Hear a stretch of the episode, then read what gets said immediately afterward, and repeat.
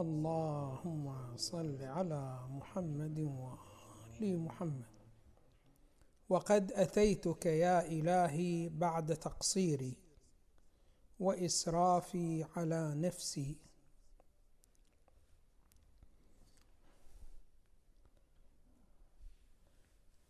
الله سبحانه وتعالى هو الرب فقط والمخلوقات.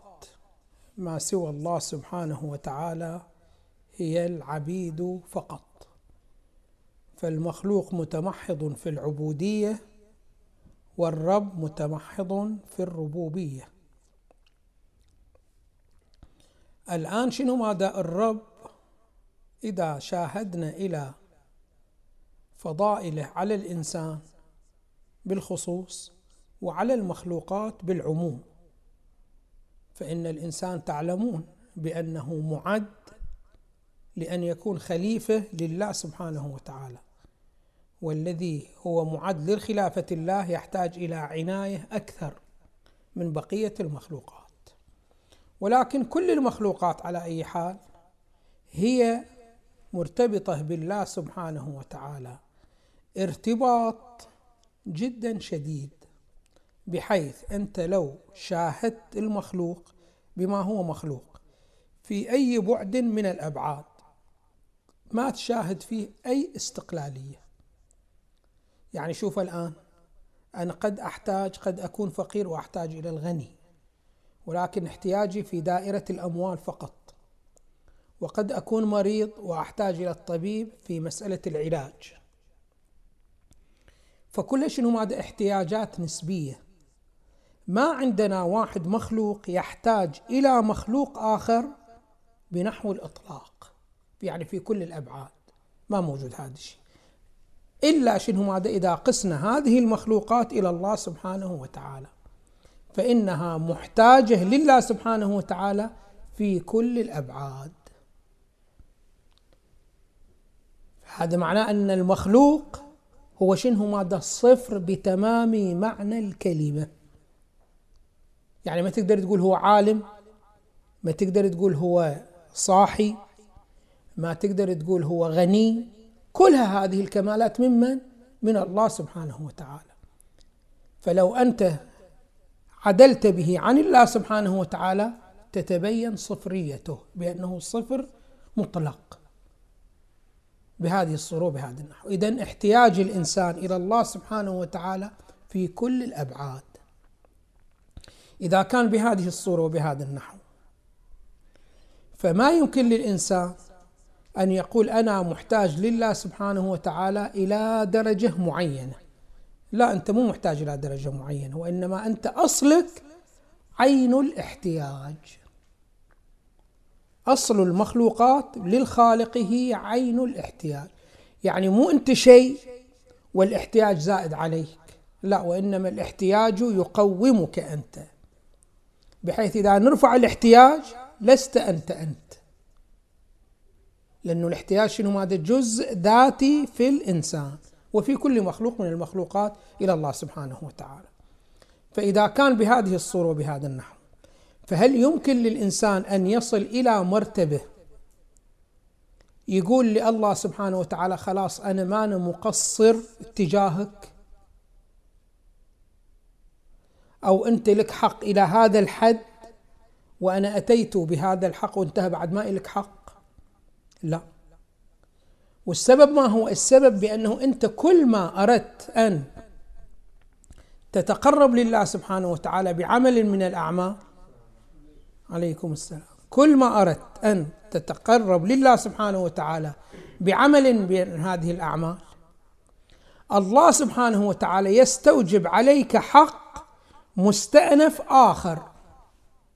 لماذا؟ لأن أنت عندما تريد أن تتقدم إلى الله سبحانه وتعالى بهذا العمل ما تحتاج إلى توفيق من الله سبحانه وتعالى وما تحتاج إلى قدرة من الله سبحانه وتعالى ما تحتاج إلى علم كل شيء ماذا تحتاج.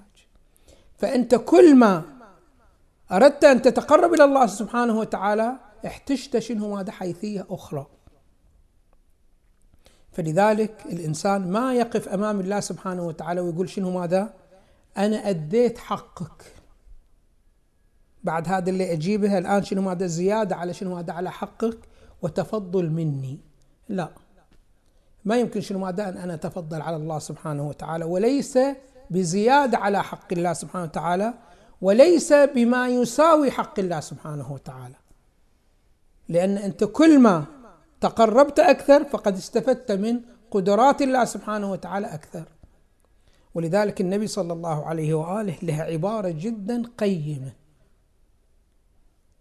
يخاطب الله سبحانه وتعالى. يقول له أنت غريم لا يقضى دينك. الغريم هو الذي شنو ماذا يطالبك بدين. هذا يسمونه شنو ماذا؟ غريم. فأنت الآن يمكن واحد شنو ماذا تدين من عنده ألف دينار. تسدد الألف دينار خلاص بعد ما يطالبك. فهذا غريم يقضى دينه. أما الله سبحانه وتعالى لا جنسه من جنس الغريم الذي لا يمكن أن يقضى دينه. فمهما بالغت أنت في العبادة وفي فعل الطاعات ما تستطيع أن تسد دين الله سبحانه وتعالى. الله سبحانه وتعالى شنو ماذا؟ ما على النحو الدوام شنو ماذا يطلبك بدين. فلذلك الأمير الإمام زين العابدين سلام الله عليه يقول شنو ماذا؟ إذا شكرتك أنا فشكري يحتاج إلى شكر آخر. لماذا؟ لأنه عندما شكرت شكرتك بقدرة من؟ بقدرتك أنت. بقوتك أنت وبتوفيقك أنت. فلذلك أمير المؤمنين سلام الله عليه يقول وقد أتيتك يا إلهي بعد تقصيري وإسرافي على نفسي. طبعا تعلمون بأنه الطاعة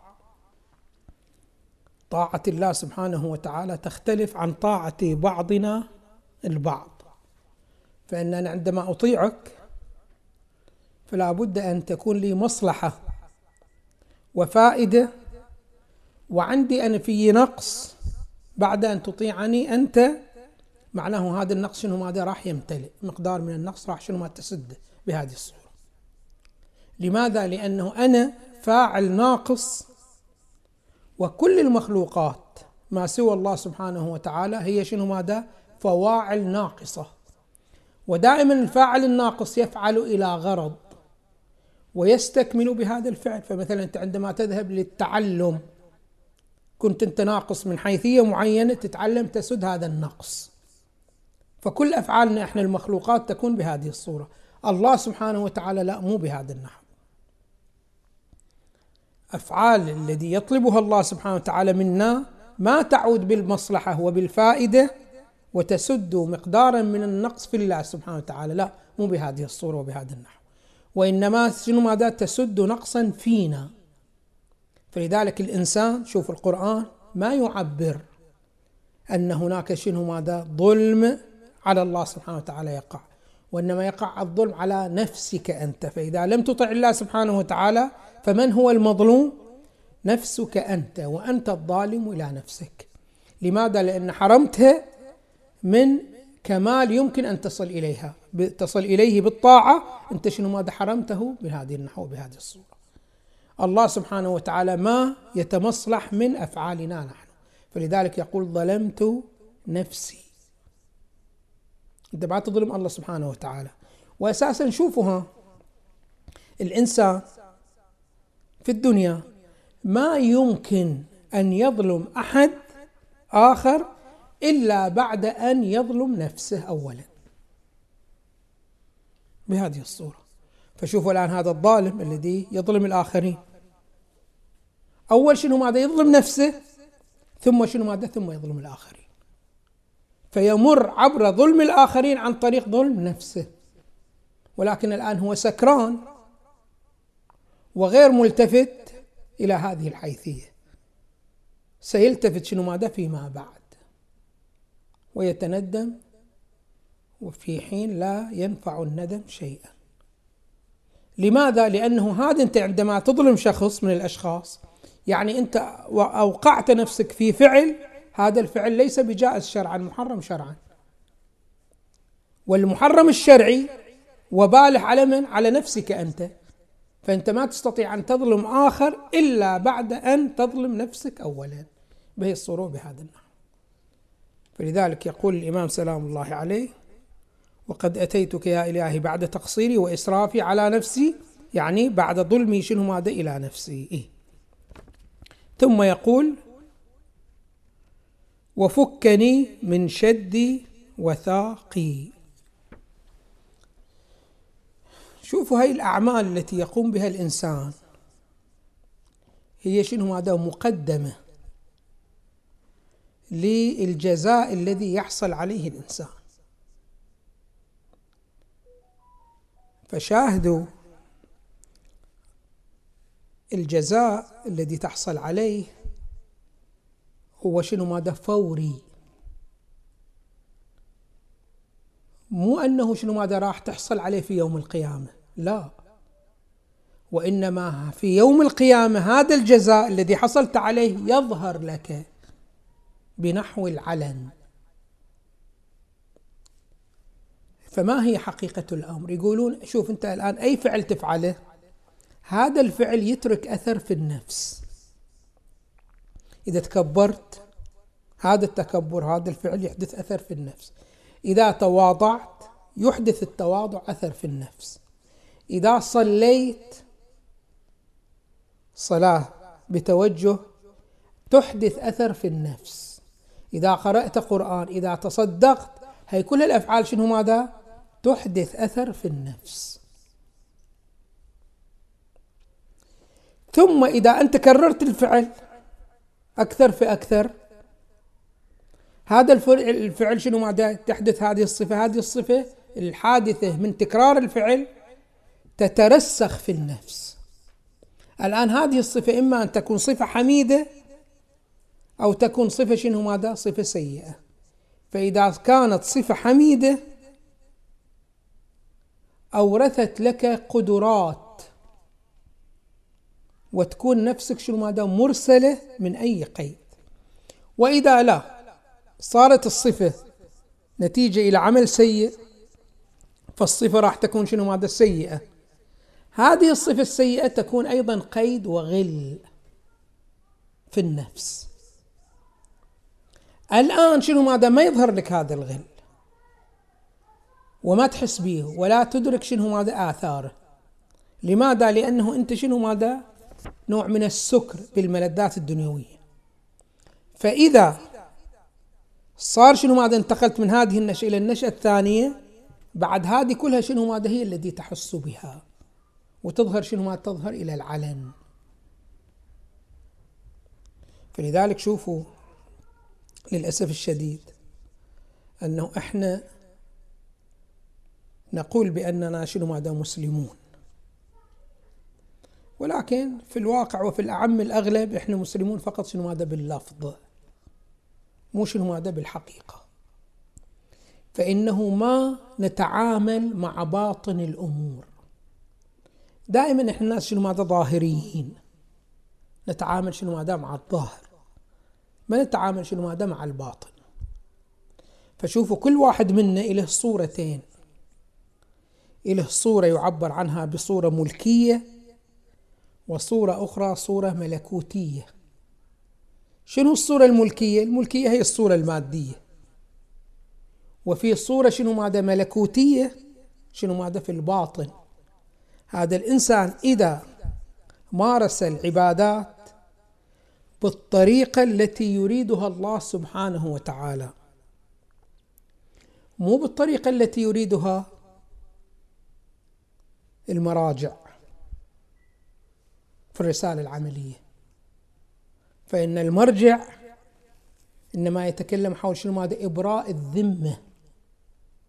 هي وظيفته. وما يتكلم حول ما يكون مقرب من الله سبحانه وتعالى لا. فلذلك يقول لك أنت إذا صليت هي الصلاة موافقة للرسالة العملية يقول لك المرجع شنو ماذا؟ أجزأتك. يعني أبرد ذمتك. يعني ما تحصل عقوبة. ولكن هل الله سبحانه وتعالى قبلها أم لا؟ هذا الشيء هذا شيء آخر. الفقيه ما يبحث عنه. هذا شنو ماذا؟ مسألة القبول. إذا الإنسان اهتم بقبول الصلاة مو في إبراء الذمة. بقبول الصلاة. إذا اهتم بهذه الحيثية هذا الله سبحانه وتعالى يعطيه بصيرة أخرى غير هذا البصر الظاهري.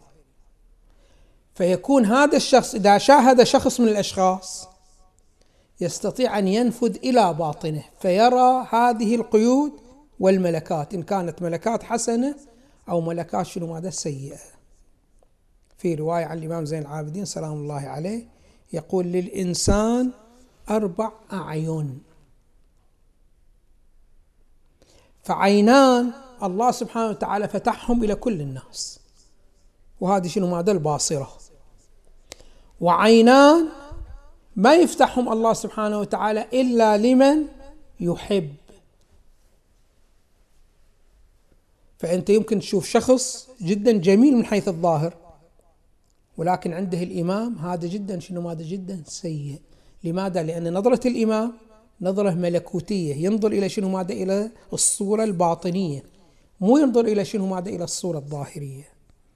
فإحنا ما شاء الله يعني شوفوا عندنا كثير شنو ماذا من القيود والأغلال التي شنو ماذا أغللنا بها شنو ماذا أنفسنا بسبب سوء أعمالنا. فهذا العمل العمل جدا شنو ماذا خطير. الكلمة أنت عندما تتكلمها هي جدا شنو ماذا جدا خطيرة. الكلمة عندما تسمعها هي جدا شنو ماذا جدا خطيرة. لا تقول هو فقط إلا كلام لا هذا الكلام يترك أثرا في نفسك. سواء سمعت أنت هذا الكلام أو تكلمت به. ثم يحصل الفعل فيؤكد هذا الأثر ثم يتكرر الفعل فيؤكد الأثر أكثر. فيكون شنو ماذا؟ أغلال إلى شنو ماذا؟ إلى النفس. فيقول الإمام سلام الله عليه وفكني من شد وثاقي. فهنا يريد شنو ماذا؟ يقول له بأنه شنو ماذا؟ هاي الملكات السيئة. اللي أنا شنو ماذا أسستها في نفسي وصارت لي شنو ماذا أغلال. هذه شنو ماذا فكني شنو ماذا منها. يعني شنو فكني؟ يعني وفقني إلى شنو ماذا الاستغفار إلى التوبة إلى إصلاح العمل وإلى آخره. ثم يقول هبني لابتداء كرمك وسالف برك. شوفوا الإنسان أول ما يأتي إلى شنو ماذا؟ إلى هذه الدنيا. يأتي وهو نظيف. يعني ما عنده أي ملكات سيئة. وإنما عنده استعداد. استعداد لأن يكون مشتمل على ملكات حسنة أو مشتمل على ملكات سيئة. ثم يبدأ يبني شنو ماذا؟ نفسه. فأول بناء اشتغل به الإنسان هو بناء النفس. الآن الناس يختلفون البعض شنو ماذا؟ يلتفت إلى نفسه بأنه قاعد الآن هو شنو ماذا؟ يبني نفسه. والبعض هو يبني نفسه ولكن شنو ماذا؟ من غير من دون التفات. فكل إنسان هنا وظيفته في الدنيا أن يبني نفسه سواء التفت أم لم يلتفت. وهذه الوظيفة مي وظيفة اختيارية؟ أنت الاختيار هكذا أنه تريد تبني نفسك مبنى جميل جدا وجيد أو مبنى شنو ماذا ضعيف وهزيل وأي عاصفة شنو ماذا تهيره. ولكن أنت تبني لابد أن تبني يعني ما في واحد هنا في الدنيا ما مشتغل بالبناء. ولكن البناء الغالي جدا وهو بناء النفس. ما عندنا أحد هكذا هالشكل الصورة. لأنه أساسا نشأة المادة هي نشأة بناء الداخل. فما عندك شخص شنو ماذا عاطل. فمن يظن أنه عاطل هو شنو ماذا ليس بعاطل. وهو مسؤول. ولكن هو قاعد يتغاضى عن شنو ماذا عن مسؤوليته ويتغاضى عن شنو ماذا عن دوره. فيضطرب شنو ماذا في بنائه. ولكن الكل هو شنو ماذا يبني. زين ابتداء الله سبحانه وتعالى تعامل معك وانت شنو ماذا بريء ونزيه. ما عندك أي ملكات سيئة. ولكن فيما بعد انت بدأت شنو ماذا تحصل الملكات؟ وتصيغ نفسك. فأنت كل ما صغت نفسك بنحو استفادتك من الفيض الإلهي بعد ما ما راح تكون شنو ماذا؟ مثل النحو الأول. فشوفوا الآن. مثلا شنو ماذا تشوف الآن؟ عندما أنت كنت شنو ماذا في وقت الطفولة. كانت شنو ماذا عندك براءة. فتتصرف على شنو ماذا؟ على الفطرة.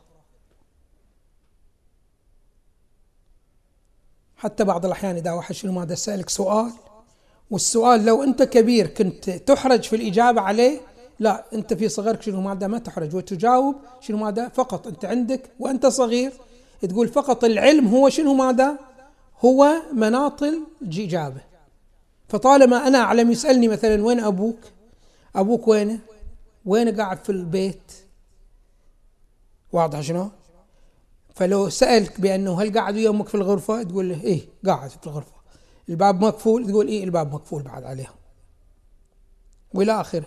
فيقدر يأخذ عندك كل المعلومات إلى شنو ماذا؟ الأوضاع اللي في البيت. ولكن مع تقدمه في الحياة شيء فشيء لا بعدين شنو ماذا بيرى؟ بأنه هذه بعض المعلومات لابد ما تطلع خارج البيت. أي بعدين شنو ماذا؟ لكن في البداية ببراءة يجيب عن كل شيء بهي الصورة. فالله سبحانه وتعالى أول شنو ماذا ما خلق الإنسان الإنسان كان شنو ماذا بريء ما عنده أي ملكات سيئة. بهذه الصورة بهذا. فالعطاء الإلهي عندما يأتي ما يتلون بحسب الملكات التي هي شنو ماذا في نفسه. والله سبحانه وتعالى طبعا شنو ماذا الله سبحانه وتعالى ما يلون العطاء الإلهي وإنما العبد هو الذي يلون العطاء الإلهي. فيضع العطاء الإلهي هنا أو يضع العطاء الإلهي هنا هذا بيد العبد.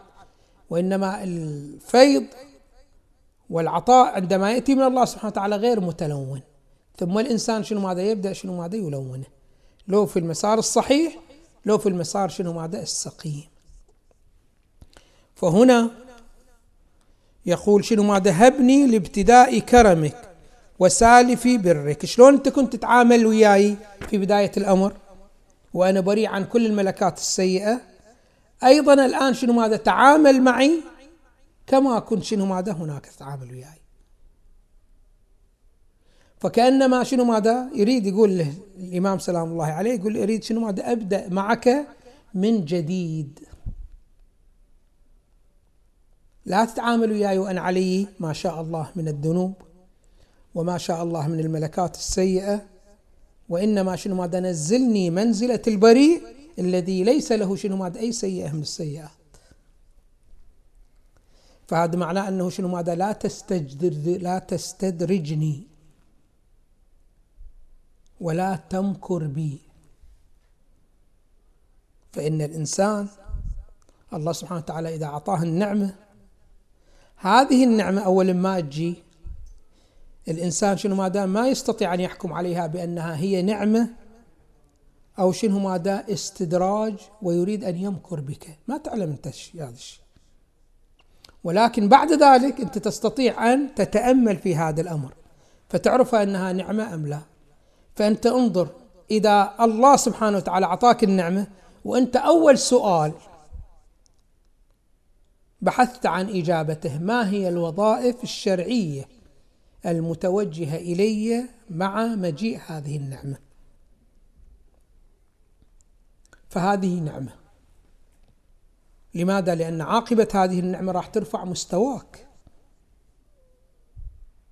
فمثلا شخص من الأشخاص جته مقدار من المال فأول شيء شنو ماذا؟ أنا حجيت لو ما حجيت حجي الذي أنا حجيته هل أبرأ ذمتي أم لا؟ فإذا لم يبرئ الذمة أو لم أحج مباشرة يخلي أول نقطة في برنامجه هي مسألة شنو ماذا؟ الحج أروح ثم أنه هل عندي بعض الأقارب أو بعض الأصدقاء أو بعض الجيران هل هو شنو ماذا محتاج إلى صدقه أو شيء أو هكذا؟ معونه؟ اعينه والى اخر الشكل ثم شنو ماذا أجي؟ هل بامكاني ان اشارك في مشروع تنمية الأطفال من الناحية العلمية تنمية الشباب تعليمهم وإلى آخر الشكل فهذا شنو ماذا هذه المال الذي وصله هو شنو ماذا صار شنو ماذا عناية به. وارتقت شنو درجته عبر هذه الأموال. هذه يسمونها شنو؟ ماذا؟ نعمة. أما إذا لا فرضنا مو بهذه الصورة وبهذا النحو. ما كان يروح لتايلاند. يلعب وإلى اخره إجته هي الفلوس. أول نقطة في البرنامج نفذها هي الذهاب إلى شنو؟ ماذا؟ إلى تايلاند.